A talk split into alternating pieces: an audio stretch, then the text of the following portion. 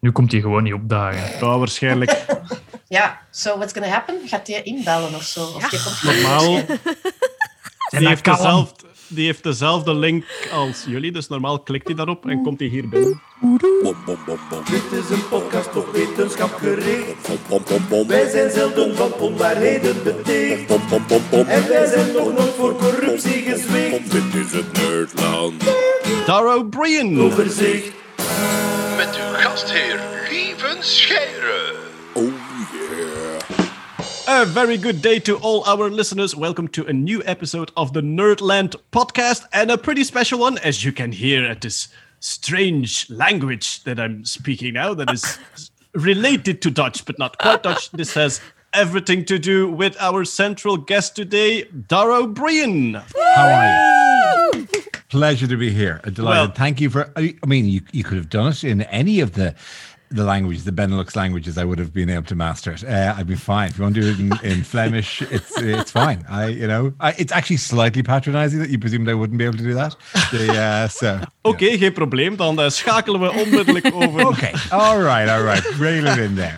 But I, I believe your French is pretty good, isn't it? No, yeah, no, I've, I have school French. The uh, Oh, so. I'd be I, it wouldn't be able to sustain a, a introspective conversation. I speak Irish, but that is of no use in this situation. But I, was- I was kind of raised half to Irish and half to English, so the Yeah. uh, so I speak that fluently. But yeah, no, let, let's look for the sake of that listener who doesn't speak any of these languages. Thank thank you for making the concession. We're doing it for them. So maybe a quick round. Who is present here? We have uh, Jeroen Baert. Jeroen is a computer scientist, uh, did a PhD on graphics in computer games. So Yes. Lots to talk about there. Then we have Stephanie Dehennin. Stephanie is a- an illustrator, uh, illustrator of science books, and a public speaker about science communication. Special interest is neurology, so maybe that will lead us somewhere here.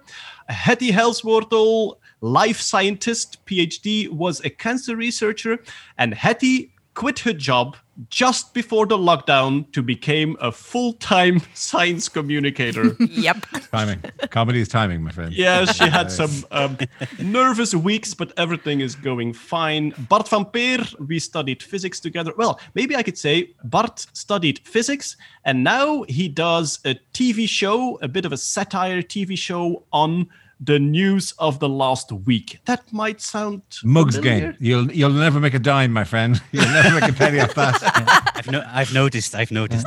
Yeah. And then we Yes, have uh, Els. Els is our sound engineer recording everything, but she's really into Doctor Who and a few other fandoms. So maybe if those topics pop up, we will uh, we will hear her wonderful voice because Els has an amazing radio voice, and she's never asked by the radio to actually speak uh, on it. Which No, is I'm a, strange. I'm a behind the scenes kind of girl. very yeah, yeah, but you're right. You're right. That is, it's mellifluous, and there are many tonal elements there. That's that's good. That that, that works very well. The voice. The uh, it is always weird when you meet. I know a couple of people who, when you meet them in real life, who have that, who just have you know, because because you know, who just get tapped by the wand and have a ridiculously good voice, Yeah. but then aren't using it, and it's like, oh please. It's like it's like when you meet a hand model, and they go, yeah, I mean, I've seen this is what the hand of a hand model. You go, wow, that hands can look like that. It's incredible. So yes. yeah, her voice Voice is a hand model. What?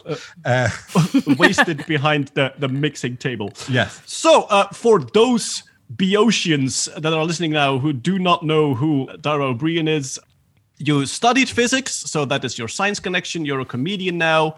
And I think you do both science communication, books, TV shows, and the stand up comedy shows. Yes, very much so. I did uh, maths and physics, really. To, be honest, the maths always kind of gets a lower ranking for some reason, but it was a combination, but maths and theoretical physics. And then ran our way to the circus, became a comedian, probably best known for shows like Mock the Week and the BBC or Live at the Apollo.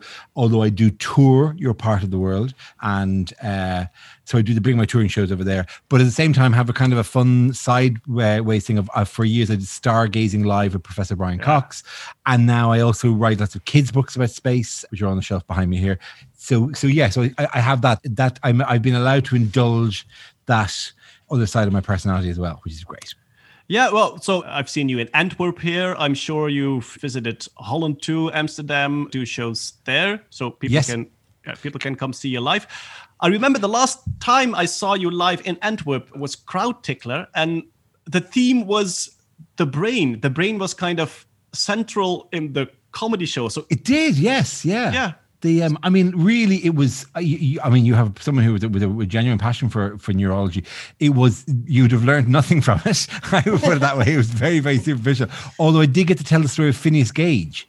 Which is a great the uh, spike to the head, Yeah. and they notice personality changes, and you're going, you think? Uh, so it really was. wow, I'm, I'm, I'd be surprised if there weren't slight personality changes, like a, a a metal spike shot through his head, and Yeah. and then somebody sent me a photograph later. Somebody who's attended the show sent me a photo, the only existing photograph of Phineas Gage, Okay. um, in which he's holding the spike.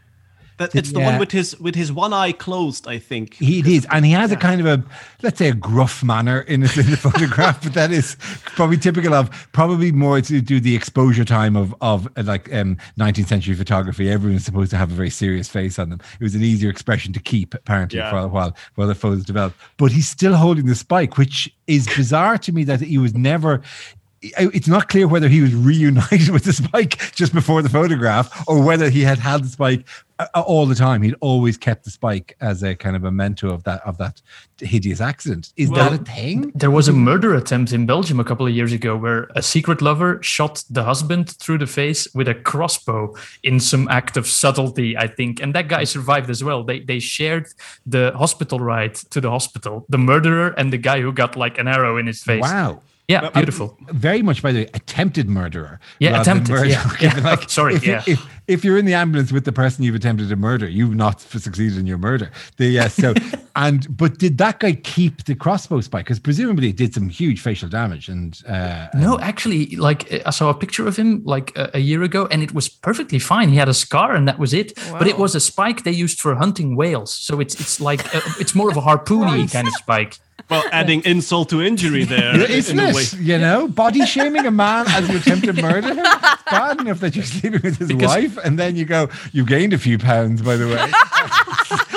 because the secret lover was the owner of a diving shop, and I guess they just went, "Okay, what do we have here?" Oh my used to, like, God. subtly murder Well, I someone. could, I could hammer him to death with a Suunto uh, repeatedly, uh, and or I could put him in that small glass tank that we keep the to demonstrate the pressure thing, and that was what he went for. The uh, like a they, they, they, they practiced on wooden pallets in the garden, just casually, just practicing my harpoon on wooden pallets in the garden. Nothing, nothing. no one knows going on. that. No one like, what are you doing? I'm just I'm just out in the garden, you know, firing into a pallet. They shared an ambulance. It's a small space. We all know how awkward an elevator can be. That must have been the most I mean- awkward ride.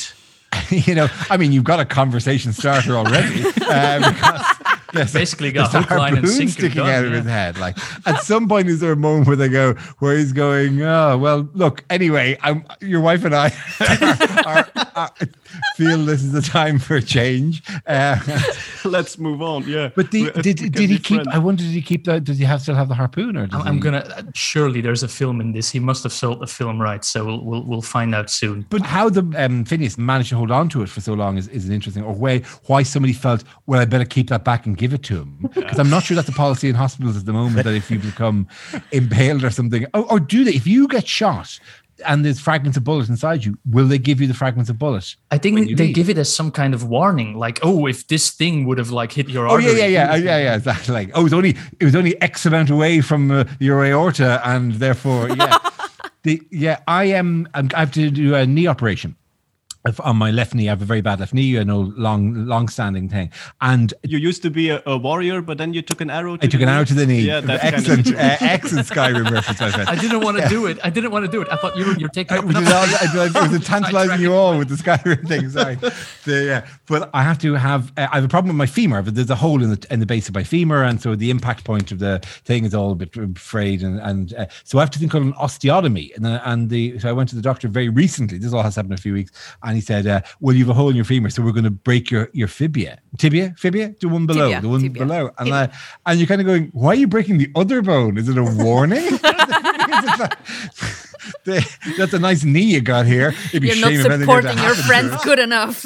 Yeah. But I think it's like when you're riding a bicycle and the chain comes off on the small uh, Yes. peg. That's it. You have to take it off the big one to put it on the small one. Ah, okay. so maybe that's it's that kind of thing. So Well, to put- it, My look, there God. is, There is actually there is there is a reason they're actually going to open it and then they and they bend it. They kind of open it, the, the the thing and they bend it in order to create the. He used to keep going. You physics the, the moment uh, you have a moment of pressure in the part of your knee and they're shifting it to the center. It's, moved to the bit that's hurting, so they're moving it across. And should buy me ten years. But It's you, a you- vector exercise. it- it's a- oh, totally it is actually. Yeah. You, and so, but the thing is, they, there'll be at some point there'll be a titanium plate and three bolts in my fibia, um, and I keep forgetting if it's tibia. And uh, I don't think it's necessary for me to have an X-ray, but I want an X-ray, and I'm not sure to what extent because why would I not want if I they'll take some of them out a bit later when it all heals, and so for that window of time when I have When you have Wolverine powers.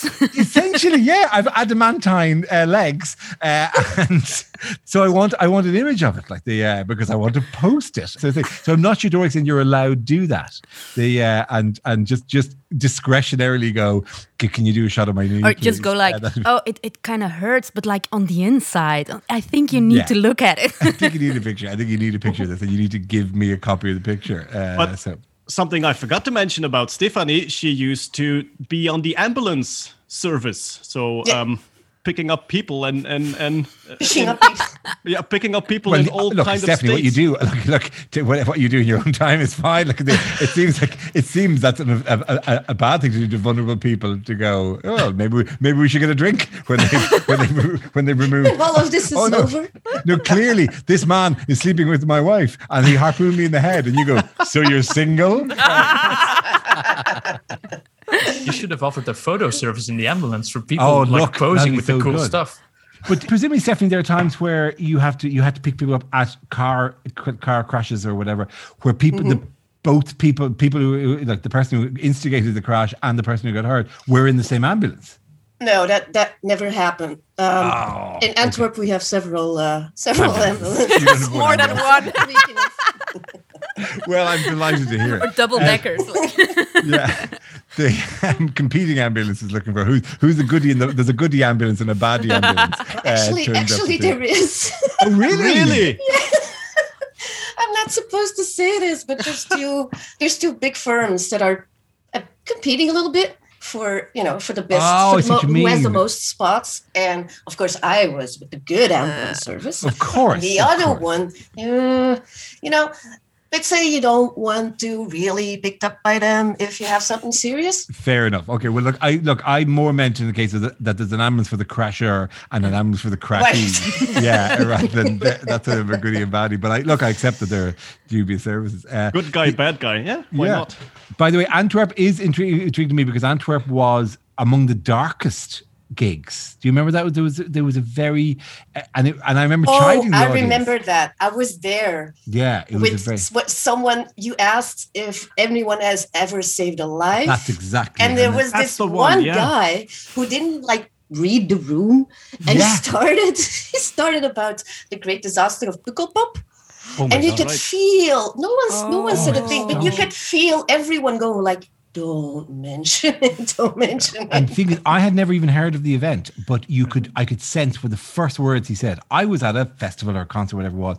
Suddenly, frost the entire room when Frosty the whole thing, like whatever. And I had to stop it. I remember going, "I- "Is this a thing that was enormous?" Like, but let's not, let's not do it here. And there was Yeah. occasion you'd have because it, was, it was a routine I did regularly about. Um, is, is there a time that you saved a life, whatever? And occasionally it would go dark, where people would, with somebody would say, "Well, you know, this thing, terrible thing happened," and I pulled one of the people out of the water or whatever, and it was like, no, there was yeah.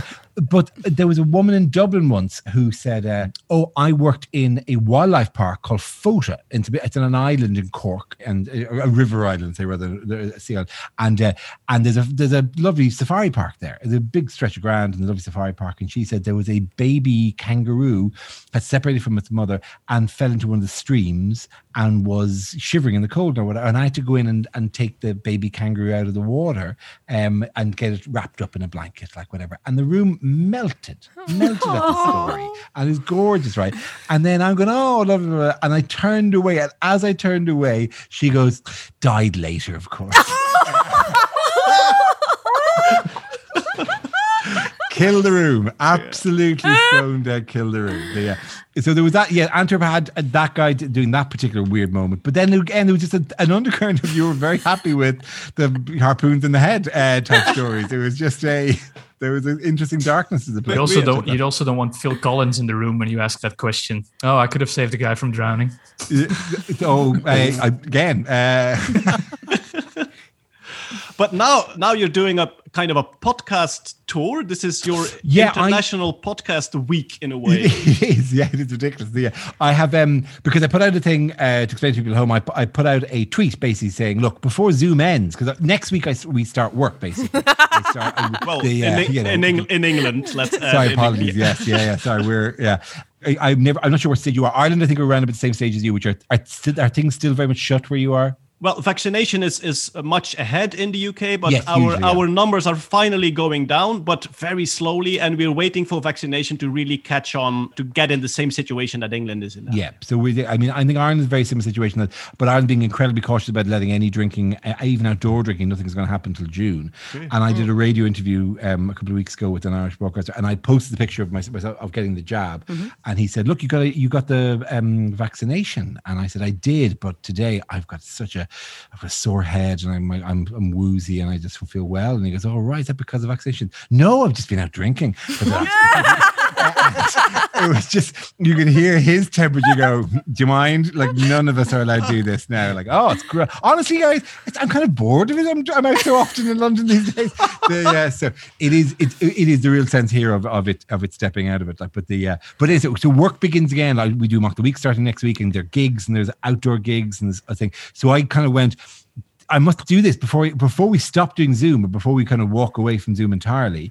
The uh, just who wants to have a chat. Uh, and so great, lovely to talk to you. We've we've been, we've been talking on and off for years, uh, leaving. But the, uh, the like there was an Icelandic photographer uh, who I t- spoke to yesterday. There's um, a science podcast that Matt Kirshen does called Probably Science in LA, uh, and um, like a thing called with like a will a Wilosophy, a, a comedy podcast I did last night with Melbourne.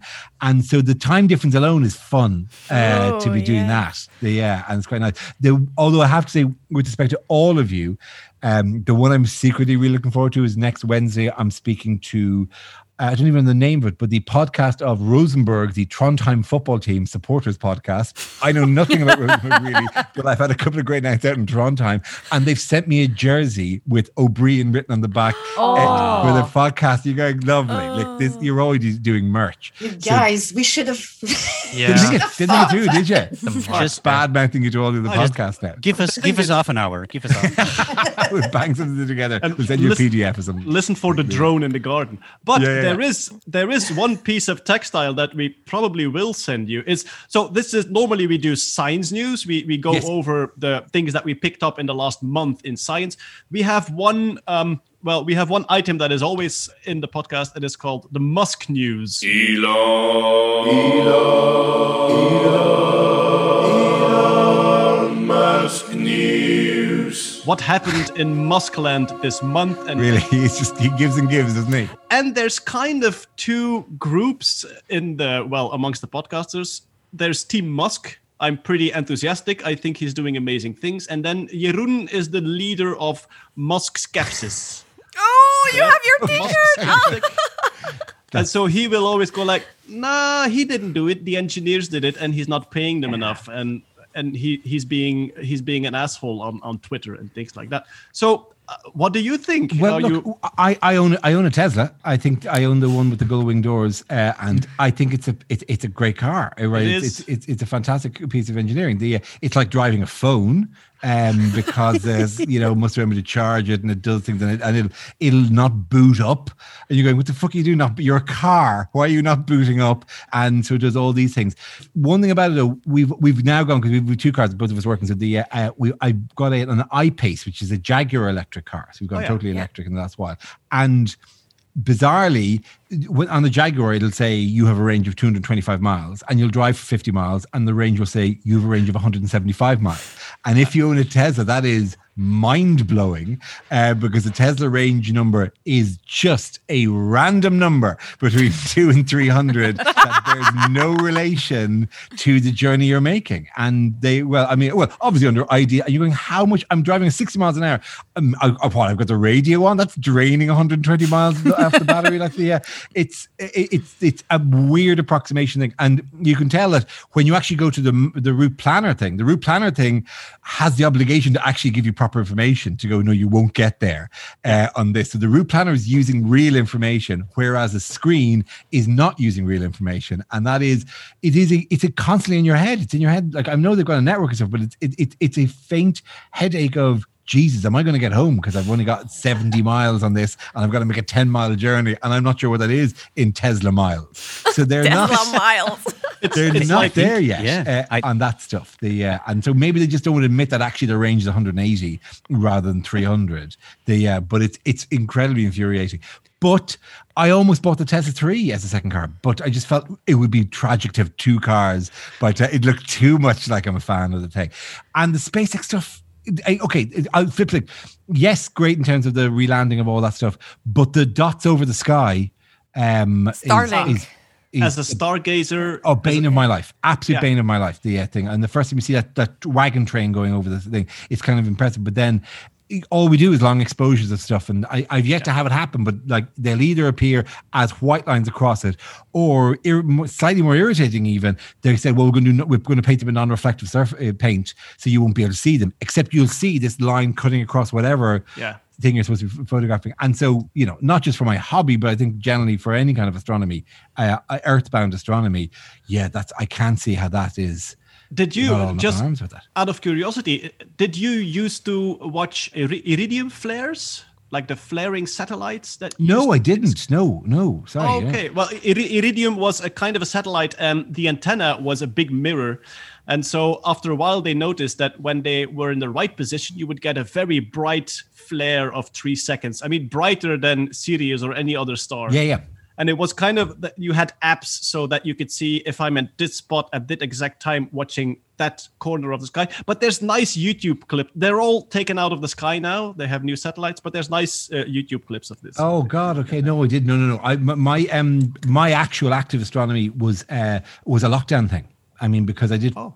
10 years of, of getting photographs from probes. So there was no need, you know, you'd be there on the show and you're going, oh, I wonder how Jupiter's looking. Why don't we find out from something that's 10 miles away from it? Uh, and, you know, that's, that's and so we, that's the way we, we're looking at things. But uh, I took up astronomy properly in when I was in the lockdown and I, and I got a telescope and then went really, I've fallen down the astrophotography hole now. uh, so I'm, you know, my house is constantly receiving tubes, different size tubes that connect to other size tubes to connect different type things, the other type things. It's like it's a world of tiny M48 to M62 to T2 um, filter changes and stuff. Yeah, so it, there's a lot of that going on. But I'm, I'm, a, you know, the weirdest knock-on effect of it is that I, I curse the sky regularly, which is probably not a healthy thing because I walk out today, for example, really clear, beautiful day, beautiful day in London, but it wasn't beautiful last night. After I'd set, brought, I carried everything out and set it all up. It was cloudy. Uh, and so I wake up and I I curse to Wow, where, the, where were you at eleven o'clock last night when I was trying to get a nebula or something? Uh, Yeah, thanks to Musk, it will be forever cloudy when all the satellites are in Yeah, the air. forty thousand satellites. It'll just Yeah. be a crisscross web of stuff like whatever. A friend That- of mine said, "Oh, those hobby astronomers, you can just filter that out. You know where they are, the satellites. You can just filter them out of your photography." You know what? I suppose there there will be an addition to because it's all for apps. It's, it's all kind of there's all various kind of technical software that you can use that the you know to build to get your network together.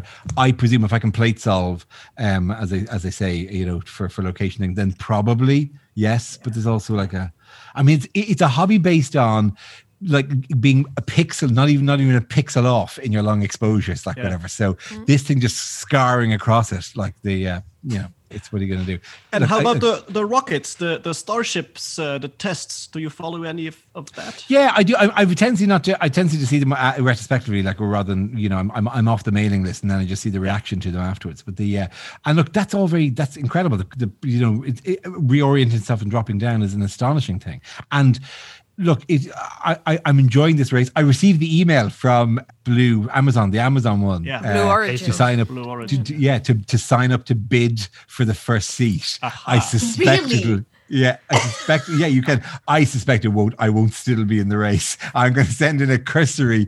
Oh, well, look, what's it worth to me? Hundred quid. There we go. Because obviously it's going to go to for sixty million to somebody. The uh, like the things used to. But the uh, but it's uh, they still send out an email going you can you can buy the first season in July, June or July, as far as I Yeah, know. 20th Um, of July. It's the anniversary of the, the Apollo moon landing, actually. Oh, really? Yes, Okay. So it is go for the that famous 52nd anniversary that we always celebrate. The uh, the the but is, That one, I- yeah. I do feel slightly like um, I, it was a game I used to when I used to do scuba diving a lot. There were points where you'd scuba, say in the Red Sea, and there would be snorkelers as well. And I had a game where I would flip over and swim underneath the snorkelers, like 10 meters down, and just wave up at them in a, hey, how's that? Am I blocking your view? And I swim, I swim off that, yeah. You you were you were kind of the the the Starlink satellite of snorkelers. Very much. I, and it was it was very dickish as a move to go, hey, h- look, how are you enjoying the fish from there? I'm just going to go down now and swim and down. The, uh, but the uh, it it does feel like you're paying a lot of money to be the um the the equivalent of snorkeling. Uh, Okay. Whereas whereas where you if because you if you meet actual um, astronauts. You can't go. Oh, I I touched the your arena briefly in a parabolic arc and then come back down again. I think I don't think I've, you'd. uh, I also don't think you'd ever, or whatever the mental thing is, that you'd never get over the idea of how much this is costing per second to do. to- Well, You know? we, we must say Hetty is taking the affordable route. She has just uh, subscribed to the new ESA astronaut. Well, the, the ESA needs new astronauts, and Hetty is one of the 10,000 candidates Excellent.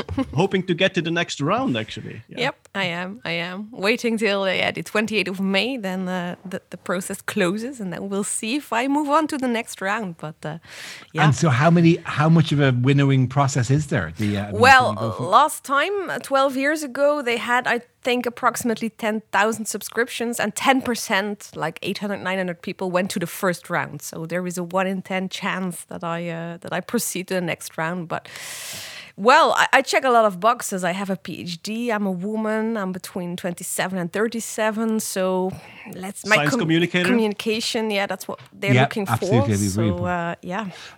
We we would it, I mean, do you can you fly? Have you ever done any is, is stuff like that still on the list at all? That's not a the, No, you don't know, have to be a pilot or an Air Force pilot. That that's uh, yeah. It, of course, it gives you an advantage, but it's not necessary to uh, to have. But what I what I've noticed from from what they're asking for is, of course, that astronauts are kind of super trained lab scientists. So the fact that you worked in a lab, Hetty, and Yeah. that you have been working with cells and cell lines, and animals. I think is yeah, a yeah, yeah, yeah. yeah, is a huge advantage. I uh, I, I would think, yeah.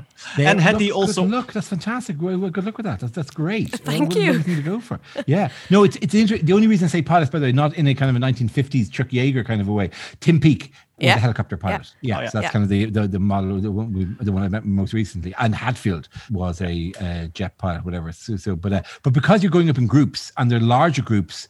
Obviously, it doesn't need to be, you know, uh, three pilots, four pilots at, at, a, at any given time. No, preferably The, uh, not. I think. yeah, So, yeah. absolutely. The uh, very no look that'd be amazing. The uh, and uh, with with the long term, hopefully of um, getting up to will IS, will ISS still be there in a number of years? What's their what's their plan? I What's don't the- think so. So ISS ISS is coming down somewhere before 2030. Yeah.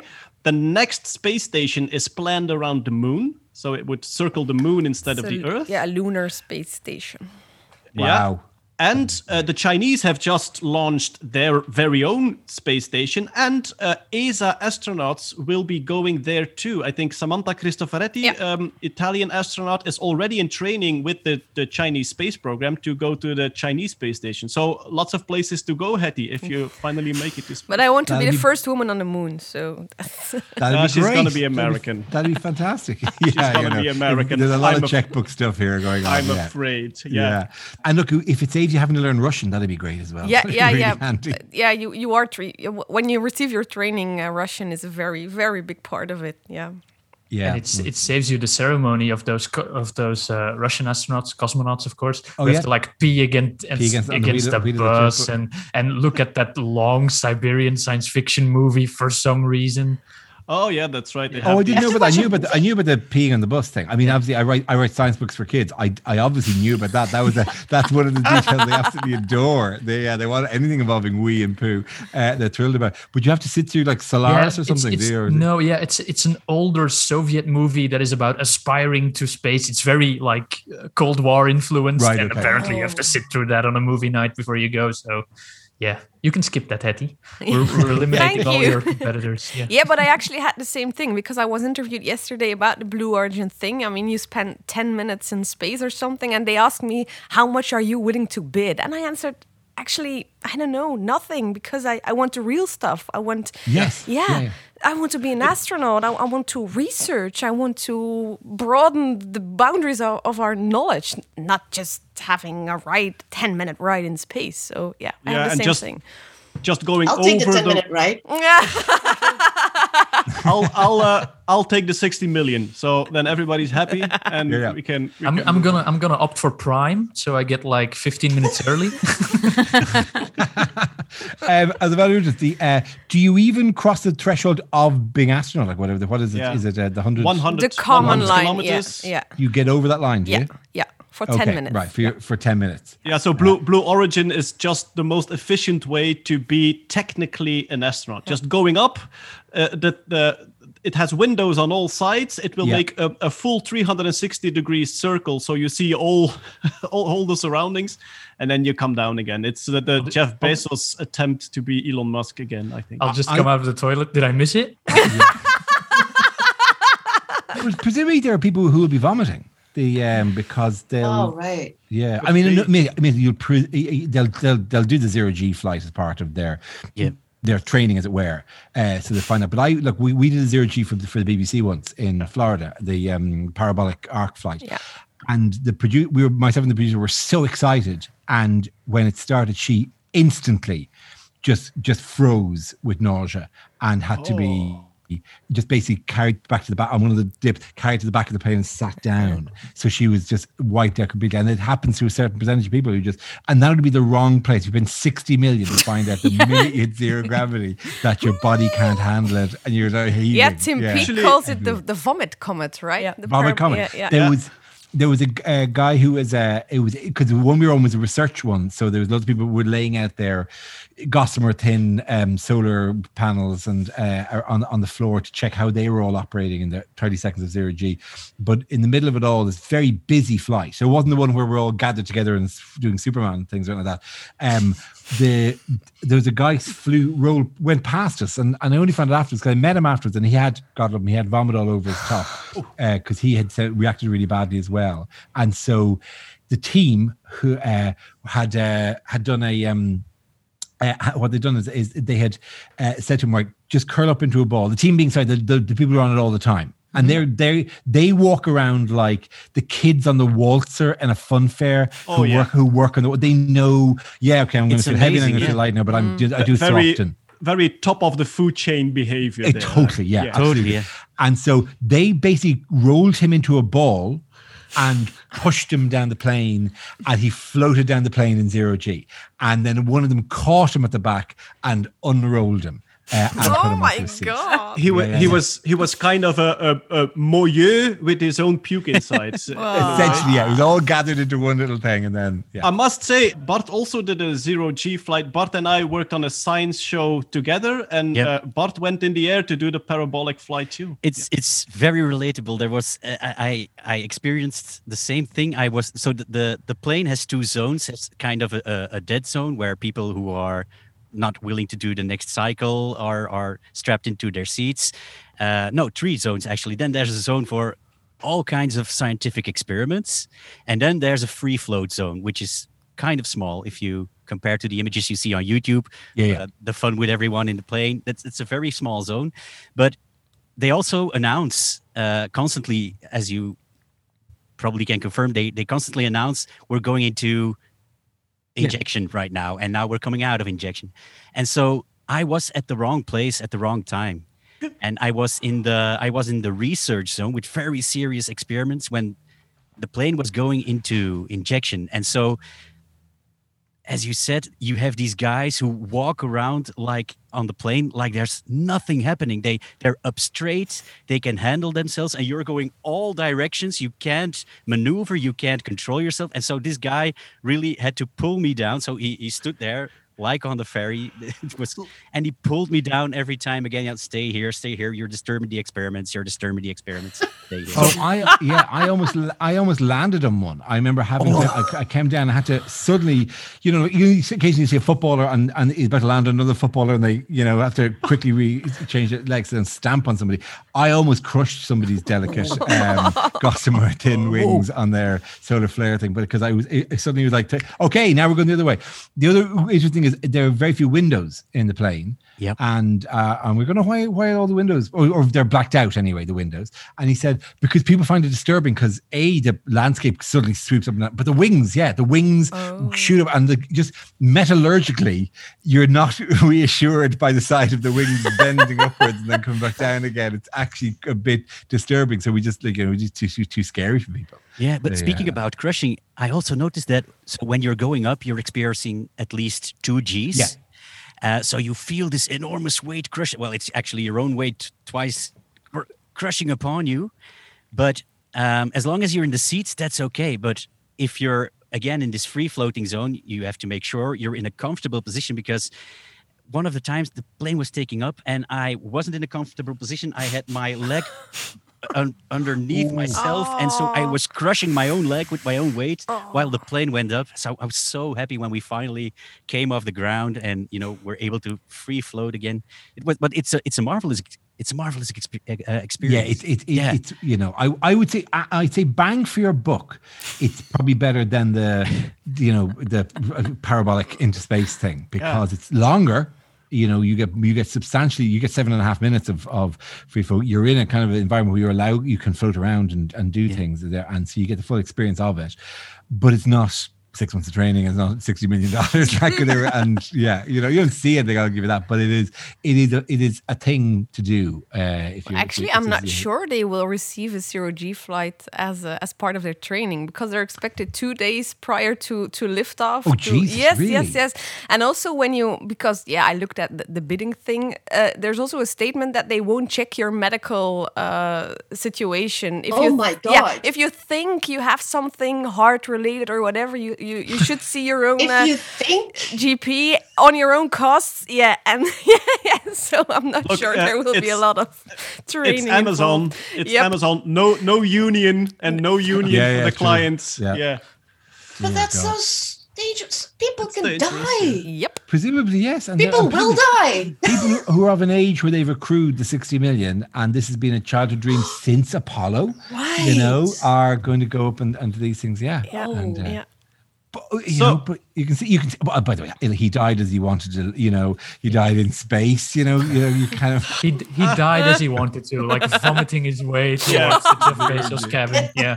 landing in a- heavily onto his cranium uh, when he misjudged the parabolic arc. Yeah. Rolled in a bowl filled with his own vomit.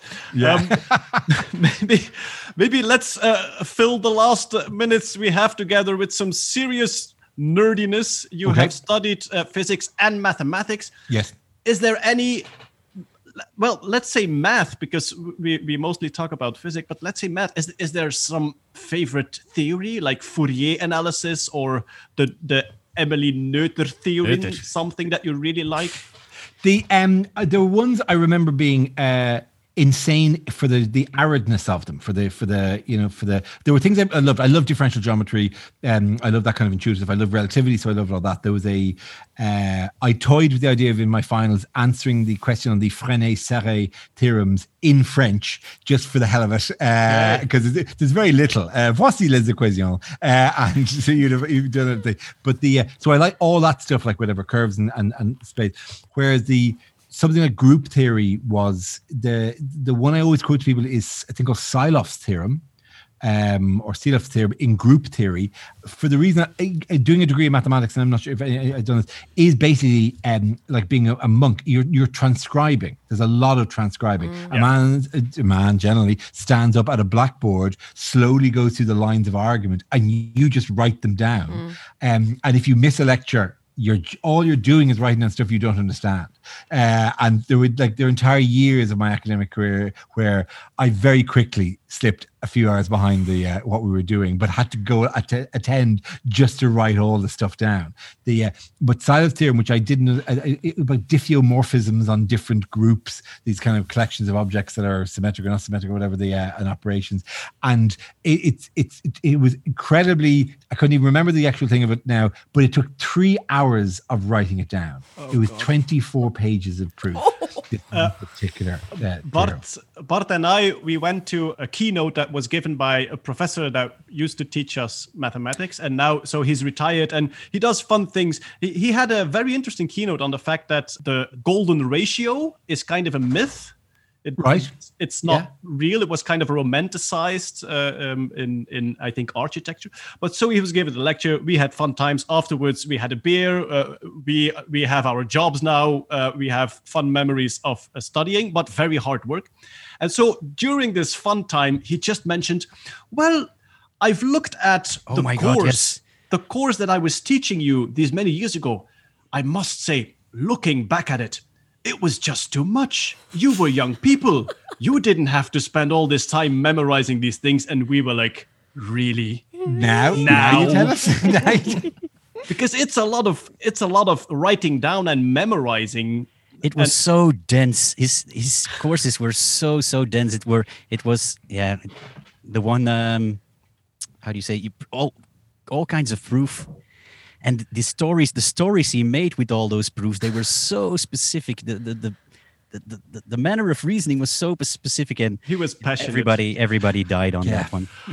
But you even did a TV show on mathematics, which I think is maybe an international first. The School of Hard it's the- Sums. We did School of Hard Sums. It actually wasn't because it was based on a Japanese show. Oh. Um, the the the for the give you the format the idea. The, it was that uh, I, as the enthusiast, would attempt a problem uh, beside two comedians who knew nothing uh, about it, and they would try just to hammer the thing out. They would send them off in a video, and they'd make a video of them trying to just solve the problem. Whereas I would go, well, actually, what you what you're trying to do, here, I suppose, is you're trying to. There was one really really lovely one um, uh, about uh, f- essentially a fog of war problem, which is that there are two battleships and they're this amount distance apart, and the one of them is chasing the other. It's faster than it, but they're in fog. So how would you how would you find? it? Is there any way that any path you could take that you would definitely find the other ship? And it turns out to be very easy. Just a spiral, just an, uh, a, a- a- an elliptic spiral, or sorry, an exponential spiral goes round and round, and that no matter what direction the other ship is going in, you go to where the ship was, you go to its starting point,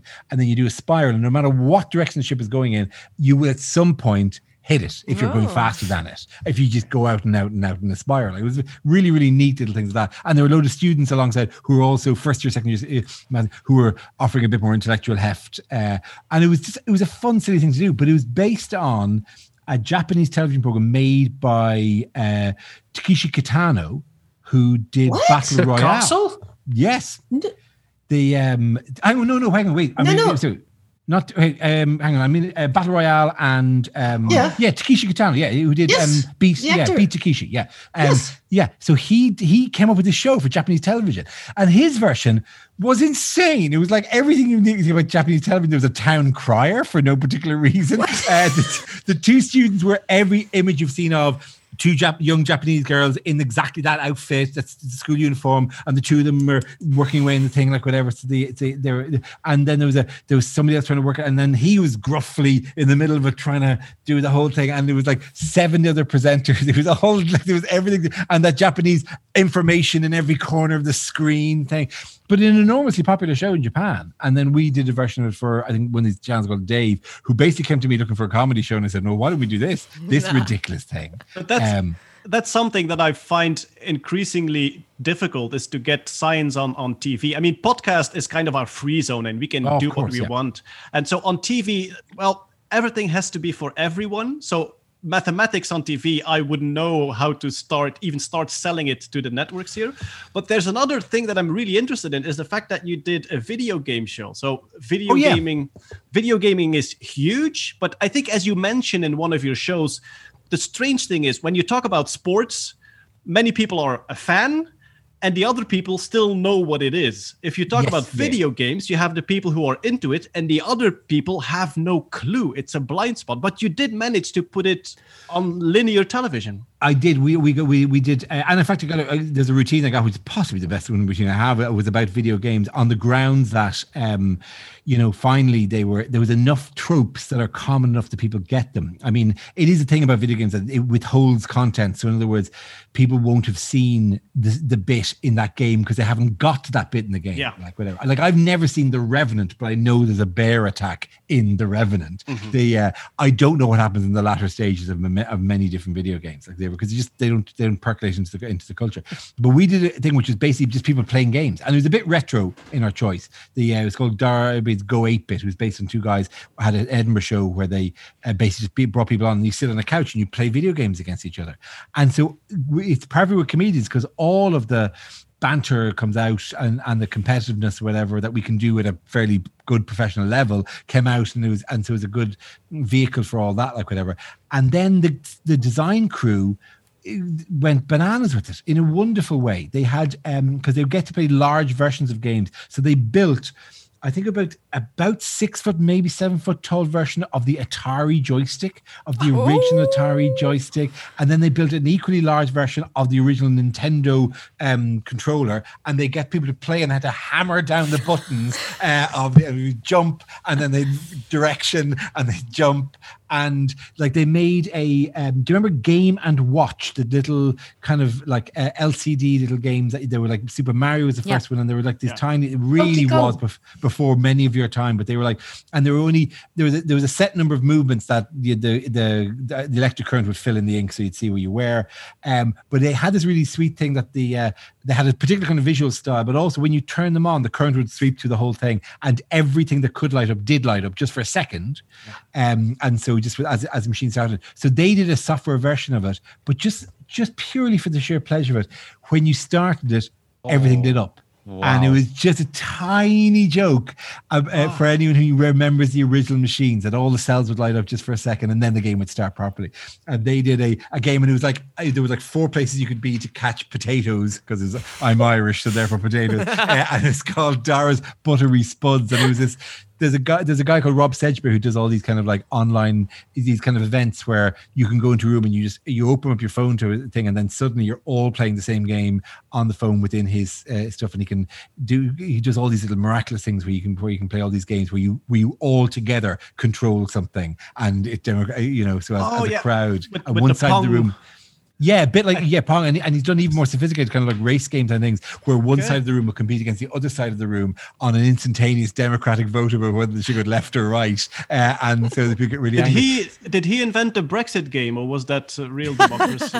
No, genuinely, that was uh, that was that one's been tracked back a lot further than that. The uh, the Devil's Ratio, as it's known now uh, in in British politics. have you have you ever played Spaceteam? By the way, No, what Spaceteam? Space Team is is a game that you play on on the cell phone in a group, and so the makers of this game, the creators of this game, noticed that when when you look at a Star Trek episode and something goes wrong with the ship, they they all shout controls to each other like like uh, put stabilizers on five.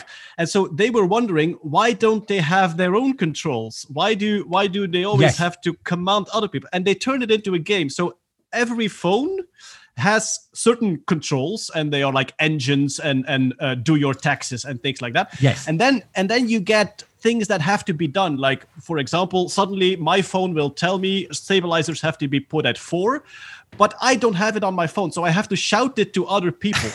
Okay, and, and then you just keep shouting and you go through several levels and they become more and more difficult as you play yeah It's harder sounds than you like a- think. Yeah. Yeah, relationship test like other games. well, you know, there's um the, the cooking one, um, Overcooked, yeah. yeah, that's Oh, that's a love that. proper relationship test, Yeah, whatever. yeah. And uh, keep talking, uh, and, And nobody, nobody explodes, Yeah. yeah. Oh, it, yeah. Yeah, like the overcooking one. Like you start with a cutesy little cooking simulator, and five minutes later you're shouting, "Where is my fish? Where are my fishes? You've dropped the fishes!" That it's it's amazing. Always, what what I think is fascinating about games is people like it's a bigger industry than everything you know together, and people treat it like it's still some kind of fucking like for for 14 nerds. in a And bedroom. Like, yeah, I know. look, I you look at Premier League football. That's nothing compared to Call of Duty. That's like one day of Call of Duty. I Watch know. out, Arsenal fan here. So Oh yeah, uh, sorry. yeah, But I'm just, okay, I'm just yeah. saying, like the, the the vast schism between those industries is still baffling. It, to me. it is. There was a there was a time where I used to host the BAFTA Video Game Awards, which they'd set up, and it was always a smaller event, the BAFTA Video Games, than the other uh, game awards, uh, than the other than the movie awards. Partly because they, you know, there aren't stars as such, uh, so they can't have photographs of people arriving and leaving the event and all that kind of like the, the glamour parts of it all.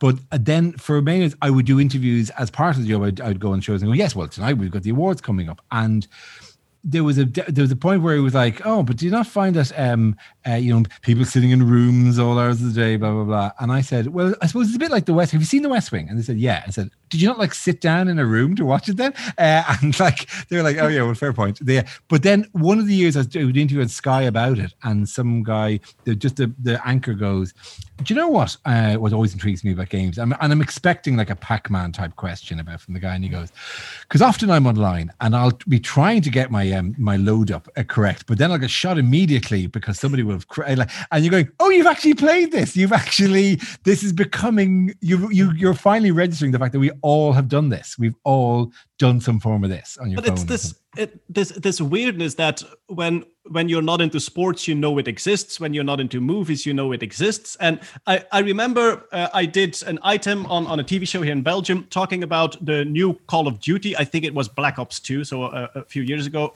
New call of duty came out and i had been filming the waiting line um, and the people who were really at midnight waiting there. So i talked about this item and across the table were two belgian celebrities both in their 50s and I talk about this, and one of them says, My God, thousands of people were waiting in line at midnight, and I had no idea this exists. And the other one says, I've played all Call of Duty, I've played everything in the Call of Duty franchise. And before they said it, it could have been the other way around. I had no idea of knowing Yeah, yeah, yeah. does he know nothing about it or is he really into it? And that's so weird, I think. And that's probably why on linear television, where everything has to be for everybody these days, that it's so difficult to get this I would, I would sell, a, topic I would there. sell a kidney lever if we could make uh, lever scare go 8 bit. Like I would sell, not my kidney, but I would sell one. Honestly, don't- the, format, the format's there, lads. It really works. It really Okay. works as, as a thing. I mean, it, it, it- we kind of let it there was a point where it was it was Dave's biggest show, um, and then the production reasons it, it slipped away. That we, we, we found out we had to get a bad studio, and we suddenly didn't have crowds in. It really works. You have people joking and laughing, and then what you do is you do five games, usually retro games, but actually people can pick in anything. They also you can play football, and it's you you you. It's like it, it, it, watch anything. You you actually get it. Com- it's compelling just to watch the game to Yeah. see who wins this particular game, like whatever. So the uh, um, I I think the format is sitting there waiting for somebody to do it in, in other places because You don't let's let's do it. We're gonna watch the show and we're gonna try to take it to the Nick networks. it, Nick it. We'll pay the guys, pay the two guys Yeah, uh, who show it was, like whatever. I was I was maybe the host. what I really liked about the show, like you said, you, you made this huge Atari controller, is the fact that you can go top gear with these games. Like they Yeah. they they play around with the cars and and the game gaming stories and memes and running jokes have so much to work with to just make it a bit more fun out of the screen uh, out of the screen too. Look, I, look, it, it, it is it's increasingly a common language that people have, and they and, and they understand it, like whatever. I mean, and, I- and it is a thing that you'd even approach it on stage nervously because you think you're going to lose people. But no, I mean, the, the my uh, jump, crouch, touch routine, people Loved got it. it. People got the, what the hell they're talking about, like whatever. That was Even the it. snake bit, people went like that's That it just sounds fun. Someone calling snark. Yes, yes, exactly. Yeah. What are you going to do? What are you going to do? Let's just end at the fact that we will watch uh, uh, Dara Goes 8 bit and try to sell it to Belgian and, and, and Dutch networks. That would be would be great. Honestly, I can't, look. The other thing I was, I was always amazed by that nobody else did stargazing, nobody else did live astronomy because that did very, very well for us for for a long time. The uh, and should work. I mean, but yeah, it's it's even in Britain, which used to be really good, it's more difficult to get. You know things involving fighting robots or looking at the stars or any of these other nerdy programs I've done to get them away. It's yeah, we we you know we we had a bit of a golden thing about 15 years ago. I presume it'll dip around again, but yeah, it's it's not it's not we're not in a golden era now in terms of science broadcasting. I hope it's just shifting platforms because just linear channel TV is becoming very afraid of everything. It has to be broad and easy. And so Yeah. I hope that science and robotics it's al- already now on YouTube. We will talk. We were talking about Michael Reeves uh, last podcast, who has built a spot robot, like the Boston Dynamics spot robot dog, Oh yeah, and he has equipped it so that now it becomes a beer peeing dog. So on YouTube, these robotics and science things are huge. On linear television, we're losing them. Let's hope that maybe Netflix or another streaming service will uh, yeah, discover it. We'll uh, resume it. Yeah, absolutely. and you briefly mentioned Robot Wars there, uh, one of the other uh, very geeky, nerdy shows that we Yes, didn't mention in this podcast. So you've done gaming on TV, robotics on TV, mathematics on TV. You did science club, you do astronomy. We're a bit jealous, but we'll just try to nick all the formats and make them. Good. dude, look, honestly, we did find we we discovered the Science Club, which was just a magazine type show stuff, which is great fun to do. But the uh, but again, could never t- quite find. They were never sure how to, how to do it. That turned up in Germany at some stage uh, in it, its look and feel in a really kind of hang on. That's suspiciously like our set, uh, and there are four people Oh. standing around, and you're going right. I don't remember remember getting any contact with it, from them about that. Like, but you know, listen, it's always for the for the good of of sorting this out. I mean, it was for a long time the BBC was exemplary in how they how they did this, and they've just reshaped the BBC in a way that makes it more difficult to get these things away. So I I worry that we're not going to be able to be quite as smug about how good things are here uh, for a long time.